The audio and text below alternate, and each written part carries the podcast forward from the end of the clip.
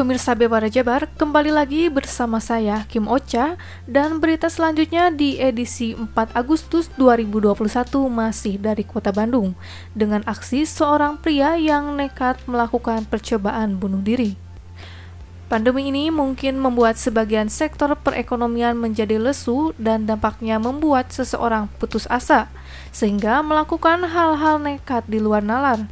Sebagai wali kota Bandung, Odet M. Daniel menyampaikan keprihatinan atas tindakan percobaan bunuh diri yang dilakukan oleh salah satu warganya. Ia melakukan percobaan bunuh diri di tengah jalan Wastu Kencana, Rabu 4 Agustus sekitar pukul 13.00 waktu Indonesia Barat.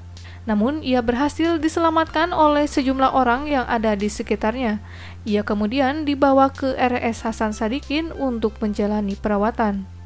Odet pun lantas menugaskan Wakil Wali Kota Bandung, Yana Mulyana, untuk turun langsung memastikan kondisi dan penanganan di RSHS. Sementara itu, Wakil Wali Kota Bandung, Yana Mulyana langsung menuju RSHS.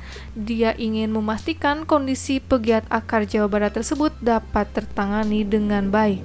Yana pun sempat berbicara langsung bersama GB beserta istrinya. Dia bersyukur dari hasil pemeriksaan sementara kondisi terkini GB dalam kondisi stabil dan cukup baik. Lebih lanjut, Ketua Umum Akar Jawa Barat Arif Maulana menyampaikan rasa syukur dan berterima kasih atas kedatangan Wakil Wali Kota Bandung, Yana Mulyana yang sangat merespon kejadian yang menimpa anggotanya.